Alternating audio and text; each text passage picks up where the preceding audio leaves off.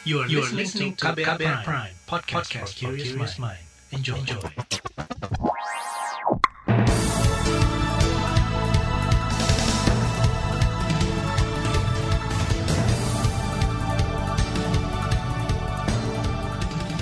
Selamat pagi saudara, senang sekali kami bisa menjumpai Anda kembali melalui program Buletin Pagi edisi Senin 23 Agustus 2021 bersama saya Aika Renata. Sejumlah informasi pilihan telah kami siapkan di antaranya, pemerintah didorong awasi ketat implementasi tarif tes PCR. Puluhan pegawai KPK nonaktif laporkan wakil ketua KPK ke Dewan Pengawas. TNI pesan kapal perang buatan perusahaan Banyuwangi. Inilah Buletin Pagi selengkapnya. Terbaru di Buletin Pagi. Koalisi Masyarakat Lapor COVID-19 mengklaim menerima aduan adanya rumah sakit dan klinik mandiri yang memasang tarif tes PCR di atas ketentuan pemerintah. Tarif PCR terbaru yang ditetapkan pemerintah sebesar Rp495.000 untuk wilayah Jawa. Relawan lapor COVID-19 Amandatan menyatakan bakal melapor ke Kementerian Kesehatan jika aduan semakin bertambah. Bahwasanya ada rumah sakit dan uh, klinik yang masih menetapkan harga normal. Dia merujuk ke satu wilayah gitu ya, yang mengatakan bahwa harganya belum 495, harganya masih di atas uh, di atas sekian. Satu rumah sakit masih 900 ribu. Tapi kiranya kalau memang nanti akan membludak dan akan ada pattern yang sama bahwa banyak rumah sakit yang masih tidak mau menurunkan di 495 ribu dan lain sebagainya, tentunya kami akan bersurat ke Kemenkes gitu ya pada pemangku kebijakan terkait ke Dirjen Yankesnya supaya ada pemantauan yang aktif di lapangan. Relawan lapor COVID-19 Samandatan mengungkapkan penetapan harga di atas HET itu dilakukan oleh klinik dan rumah sakit swasta dengan modus memainkan durasi hasil tes. Tarif ditetapkan lebih mahal jika warga ingin hasil keluar lebih cepat. Dia mendorong pemerintah membuat aturan yang jelas agar klinik-klinik mandiri lebih tertib dan teratur memasang tarif yang telah ditetapkan. Kata dia, pemerintah juga mesti mengawasi dan menindak tegas klinik mandiri yang tak patuh aturan itu. Sementara itu, LSM Pemantau Korupsi ICW mendorong Kementerian Kesehatan mengawasi sejumlah laboratorium maupun fasilitas kesehatan penyedia layanan tes COVID-19 PCR. ICW menemukan masih ada laboratorium maupun vaskes yang mematok harga lebih tinggi ketimbang batasan harga PCR yang telah ditetapkan Kemenkes. Peneliti ICW, Wana Alam Syah menilai komponen pembentuk harga PCR tidak transparan dan tidak akuntabel. Ini dianggap bisa berpotensi terjadi permainan harga.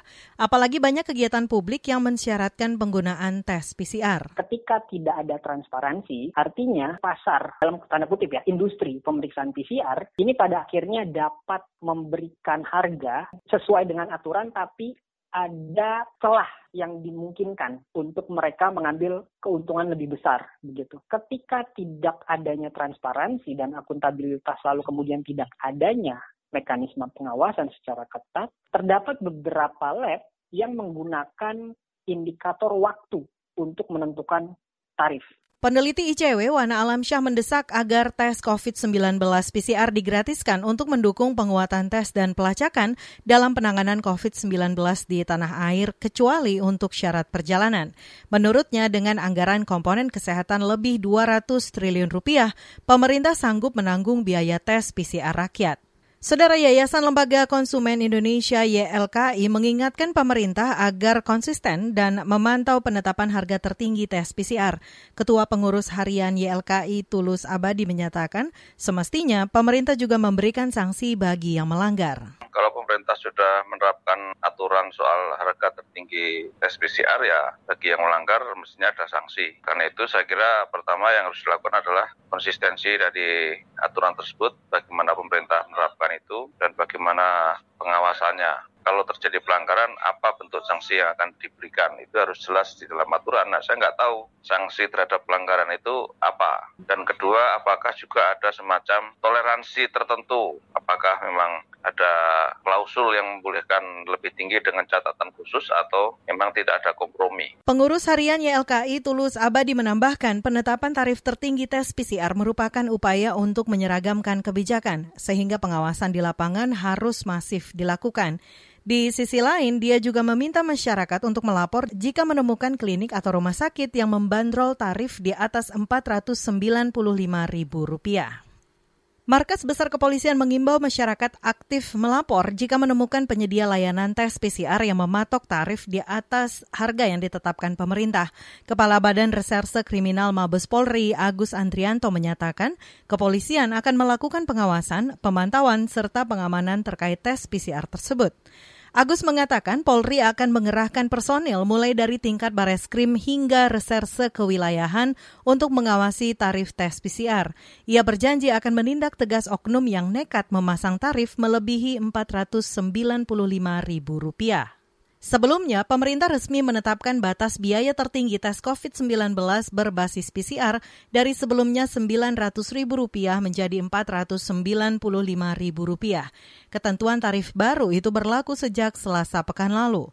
Pelaksana tugas Dirjen Pelayanan Kesehatan di Kementerian Kesehatan, Abdul Kadir mengatakan, tarif sudah memperhitungkan biaya reagen, biaya administratif, dan biaya habis pakai lainnya. Kami sepakati bahwa batas tarif tertinggi pemeriksaan real-time PCR diturunkan menjadi Rp495.000 untuk daerah Pulau Jawa dan Bali, serta sebesar Rp525.000 untuk daerah di luar Pulau Jawa dan Bali. Sementara itu, Direktur Pencegahan dan Pengendalian Penyakit Menular langsung Kementerian Kesehatan Siti Nadia Tarmizi mengatakan aturan tarif tes PCR akan diawasi oleh pemerintah daerah masing-masing. Melalui pesan singkat kepada KBR, Nadia menyebut bentuk sanksi bagi pelanggar juga diatur oleh daerah. Sebab, kata dia, izin operasional penyedia layanan tes dikeluarkan oleh masing-masing daerah. Puluhan pegawai KPK nonaktif laporkan Wakil Ketua KPK Alexander Marwata ke Dewan Pengawas. Informasi selengkapnya hadir sesaat lagi. Tetaplah di Buletin Pagi KBR. You're listening to KBR Pride, podcast for curious mind. Enjoy!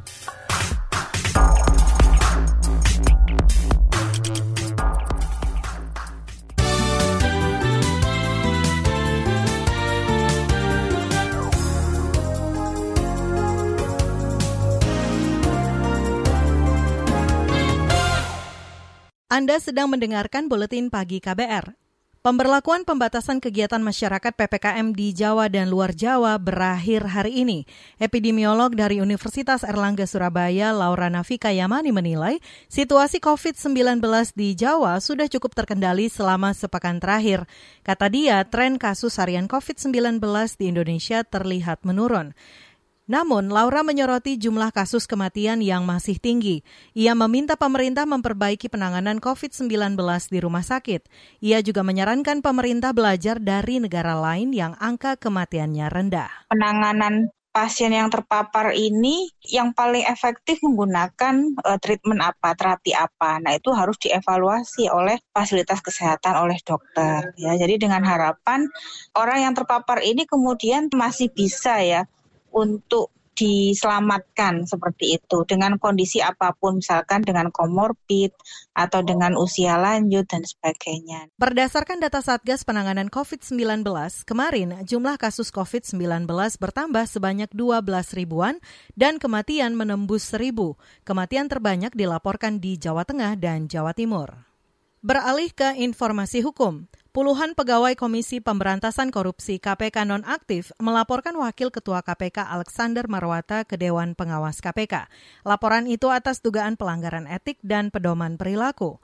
Perwakilan pegawai KPK Hotman Tambunan mengatakan Alexander dianggap melakukan pencemaran nama baik atau penghinaan terhadap 51 pegawai nonaktif saat konferensi pers pengumuman hasil tes wawasan kebangsaan TWK. Menurut pegawai yang 51 orang, bahwa ucapan ini adalah serius yang menyamakan pegawai yang 51 orang dengan gerombolan teroris, gerombolan pemberontak melakukan tindakan subversi atau kudeta dan jika tuduhan itu benar maka seharusnya pegawai yang 51 orang harus dicabut kewarganegaraannya dari Republik Indonesia dan dikeluarkan dari wilayah Republik Indonesia. Perwakilan pegawai KPK Hotman Tambunan juga meminta agar Dewas mengawasi pelaksanaan tindakan korektif Ombudsman dan rekomendasi Komnas HAM terkait TWK. Permintaan itu sudah dituangkan dalam surat tanggal 19 Agustus lalu.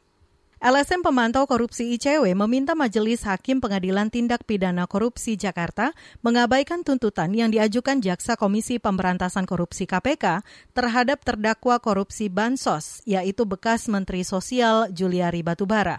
Juliari akan menjalani sidang putusan hari ini. Peneliti ICW Almas Syafrina menilai tuntutan yang dilayangkan Jaksa KPK jauh dari vonis maksimal. Vonisnya hanya 11 tahun penjara, denda 500 juta, subsidiar 6 bulan kurungan penjara dan uang penggantinya hanya 14,5 miliar. Jauh dari vonis atau ya vonis maksimal yang bisa dijatuhkan oleh pengadilan gitu ya. Peneliti ICW Almas Syafrina menambahkan tuntutan yang rendah juga dinilai tidak menciptakan efek jerah bagi pelaku. Vonis ini malah membuat keseriusan KPK dalam pemberantasan korupsi dipertanyakan. Kata dia, pembelaan Juliari dalam sidang pledoi juga patut diabaikan hakim. Juliari didakwa menerima suap sebesar 324 miliar rupiah dalam proyek pengadaan paket bansos untuk warga terdampak pandemi COVID-19. Beralih ke kabar ekonomi. Kementerian Perindustrian melakukan pendampingan pelaku industri kecil dan menengah IKM untuk mengembangkan industri pengolahan umbi-umbian porang. Sebelumnya, Presiden Jokowi menyebut porang bisa menjadi alternatif makanan pokok pengganti nasi. Dilansir dari antara, pelaksana tugas Dirjen Industri Kecil Menengah dan Aneka di Kemenperin Reni Yanita menyatakan, industri pengolahan porang menjadi sektor yang tumbuh positif.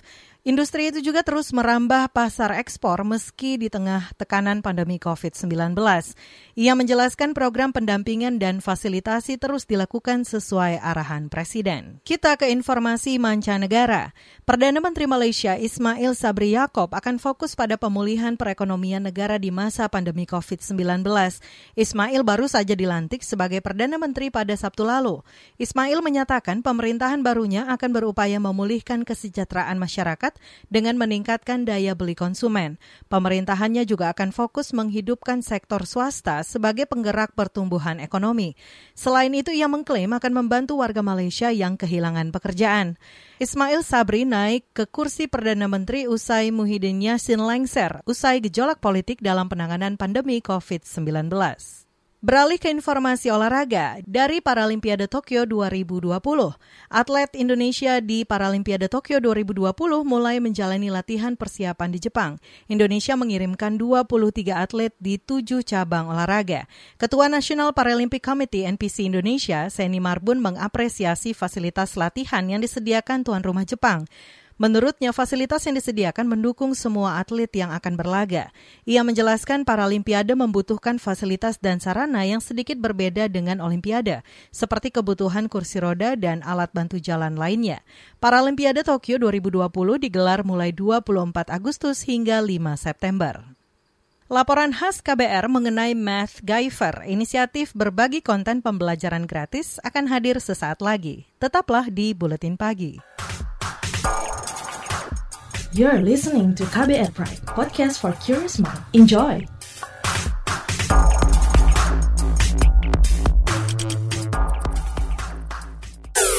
Commercial break.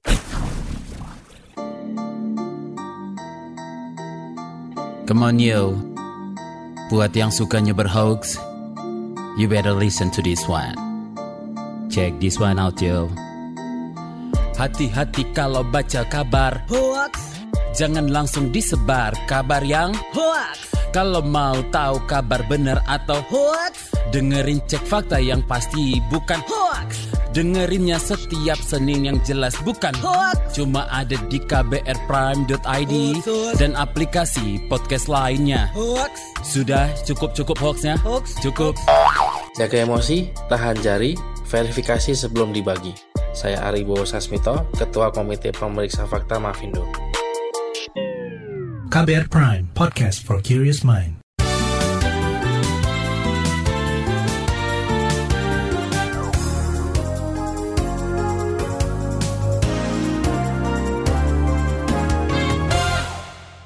Anda masih bersama kami di Buletin Pagi KBR. Pelajaran matematika masih menjadi momok bagi banyak siswa, terlebih di masa pandemi karena minimnya sekolah tatap muka. MathGyver, sebuah akun anonim punya inisiatif membantu siswa belajar matematika dengan cara menyenangkan. Jurnalis KBR Valda Kustarini berbincang dengan pemilik akun MathGyver tentang inisiatifnya ini. Untuk adik-adik kelas 4 SD, bilangan pecahan itu apa sih maksudnya? Seperti ini loh. Kan ini ada satu buah pizza.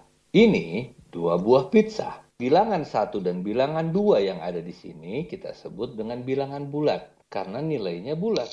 Apabila Suara ini diambil dari video pembelajaran matematika yang diunggah di akun YouTube MathGyver. Gambar pizza ditampilkan agar materi mudah dipahami siswa tingkat sekolah dasar. Satu perempat pizza. Kalau yang ini, satu pizza Matt Guyver, si pembuat konten, enggan mengungkap identitasnya. Alasannya, akun dan konten itu dibuat bukan untuk tujuan komersial.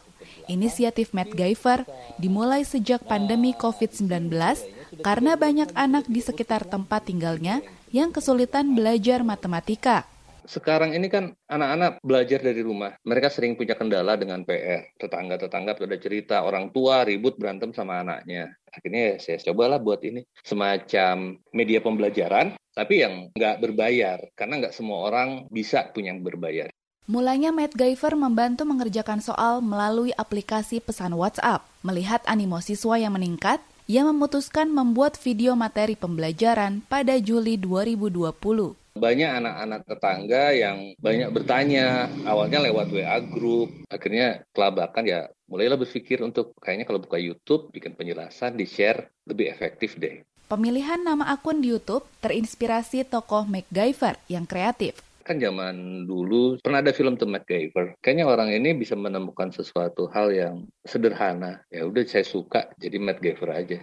Materi video biasanya diunggah dua hari sekali. Jumlahnya tak kurang dari 165 video dengan materi bervariasi mulai dari jenjang SD hingga SMA. Kurikulum 2013 keluaran Kementerian Pendidikan menjadi pedoman untuk membuat konten. Lewat kanal ini, Matt Guyver ingin mengajarkan matematika dengan cara yang menyenangkan. Pasalnya, selama ini matematika dianggap momok bagi banyak siswa lebih cenderung aja anak-anak untuk tidak takut, berpikir sederhana, jangan berpikir pelik, jangan takut melihat simbol. Kedua banyak bercanda sih. Jadi matematika kan terlalu diagungkan ya di Indonesia ini ya. Padahal sebenarnya matematika tidak seagung itu gitu. Matematika itu sesuatu hal yang membumi yang setiap hari ada. Jadi ngapain ditakutin gitu. Saban membuat konten, Matt Guyver putar otak bagaimana caranya menjelaskan dengan contoh-contoh yang dekat dengan keseharian siswa. Anak paling nggak suka ketemu pi. Keliling lingkaran adalah PR kuadrat. Akhirnya saya bilang di grup, coba anak-anak cari sesuatu yang lingkaran. Udah punya suatu benda lingkaran, ambillah pita, kelilingi. Lalu ukur, apabila tali yang sudah mengelilingi lingkaran tadi diukur, dibagi sama diameternya, pasti jawabannya 3,14. Mereka bilang, oh iya benar, sulap. Akhirnya mereka, ayo bang bikinkan video lingkaran. Matt Guyver juga membuka forum di platform Twitter dan Telegram di Telegram, ia membuat kanal Ruang Siswa, tempat anak-anak bebas bertanya dan berdiskusi tentang matematika. Partisipannya tak hanya dari Jawa, tapi sampai ke Sumatera, Sulawesi, Nusa Tenggara Timur, dan Maluku. Namun, ia menekankan kanal-kanal yang dibuatnya bukanlah joki tugas. Di kelas SMA, itu lain lagi karakternya. Banyak yang nanya soal, tapi ruang siswa itu bukan ruang joki ya. Tapi kalau kamu nanya, itu berarti ada kamu bagian yang nggak ngerti. Nah, ya bagian yang nggak ngerti itulah yang saya sajikan lewat video pembelajaran. Ia bisa melayani 60 hingga 80 soal setiap hari, mulai dari jam 6 sore hingga 12 malam. Selain matematika, Matt Guyver juga membuka ruang untuk diskusi materi fisika. Selain dengan siswa, ia juga berinteraksi dengan orang tua dan para guru kadang-kadang diskusi ya mengenai materi matematikanya sendiri sih lebih banyak. Saya juga belajar dari mereka. Eh bang, kelamaan anak SD, suaranya jangan kenceng-kenceng. Nah terus anak SMA nggak usah dimanja-manja. Inisiatif Matt Guyver ini diapresiasi oleh Delbert Lim, peneliti dari Lembaga Riset Semeru. Apalagi tujuan dan metode yang digunakan berorientasi pada peningkatan kemampuan siswa. Di luar sekolah, di luar bimbel, di luar hal-hal lainnya, kita itu sebenarnya masih kekurangan materi pembelajaran untuk tes SBMPTN. Jika kita melihat ke toko buku, yang kita lihat itu kebanyakan bukan penjelasan mengenai materinya, tapi lebih ke buku soal. Delbert saat ini sedang melakukan riset tentang kemampuan siswa selama pandemi. Menurutnya, kontribusi MacGyver jika banyak direplikasi bisa mencegah potensi penurunan kemampuan siswa atau learning loss di masa pandemi teori dan konsep yang dipelajari di SD, di SMP itu akan berguna seterusnya. Jika mereka tidak dapat menguasai dasar-dasar konsep yang harusnya mereka kuasai, itu sangat berdampak besar kepada kemampuan mereka untuk bisa belajar hal apa pun. Demikian laporan khas KBR, saya Valda Kustarini. Informasi dari berbagai daerah akan hadir usai jeda. Tetaplah bersama Buletin Pagi KBR. You're listening to KBR Pride, podcast for curious mind. Enjoy!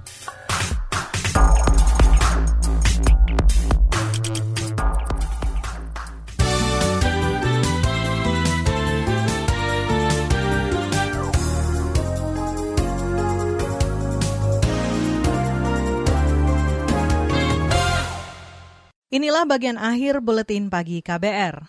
Menteri Badan Usaha Milik Negara BUMN Erick Thohir meminta masyarakat Medan memanfaatkan fasilitas pelayanan COVID-19 di kapal motor Bukit Raya di Bandar Deli untuk isolasi terpusat.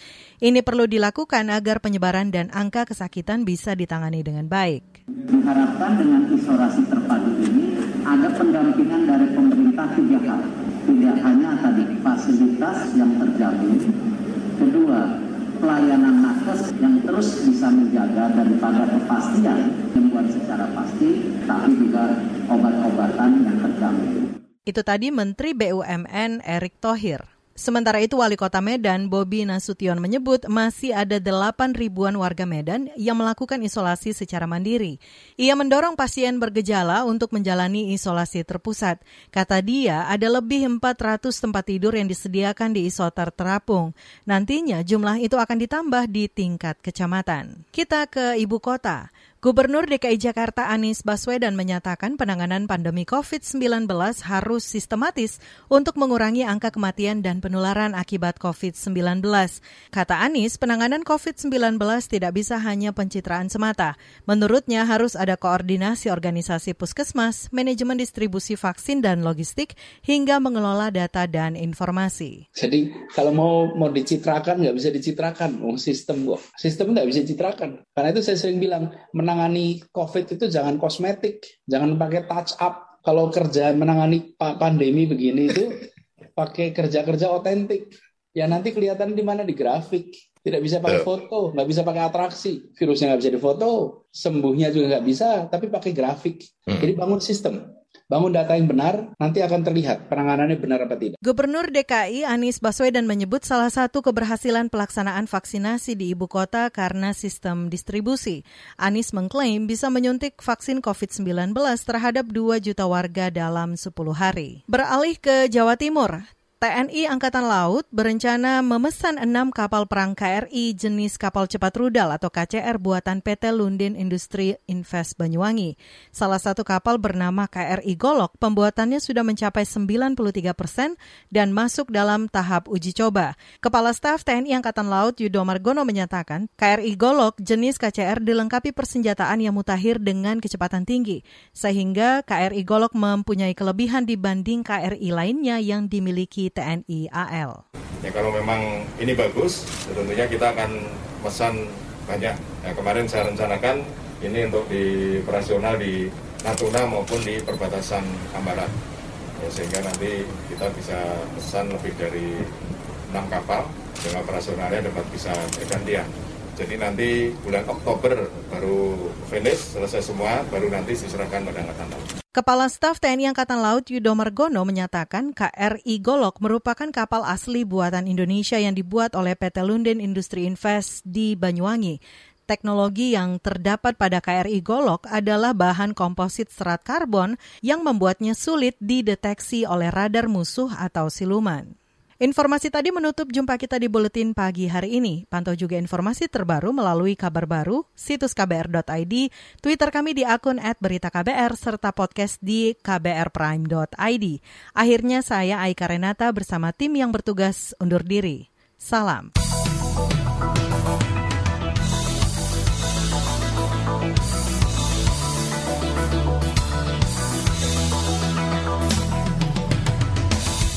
KBR Prime, cara asik mendengar berita.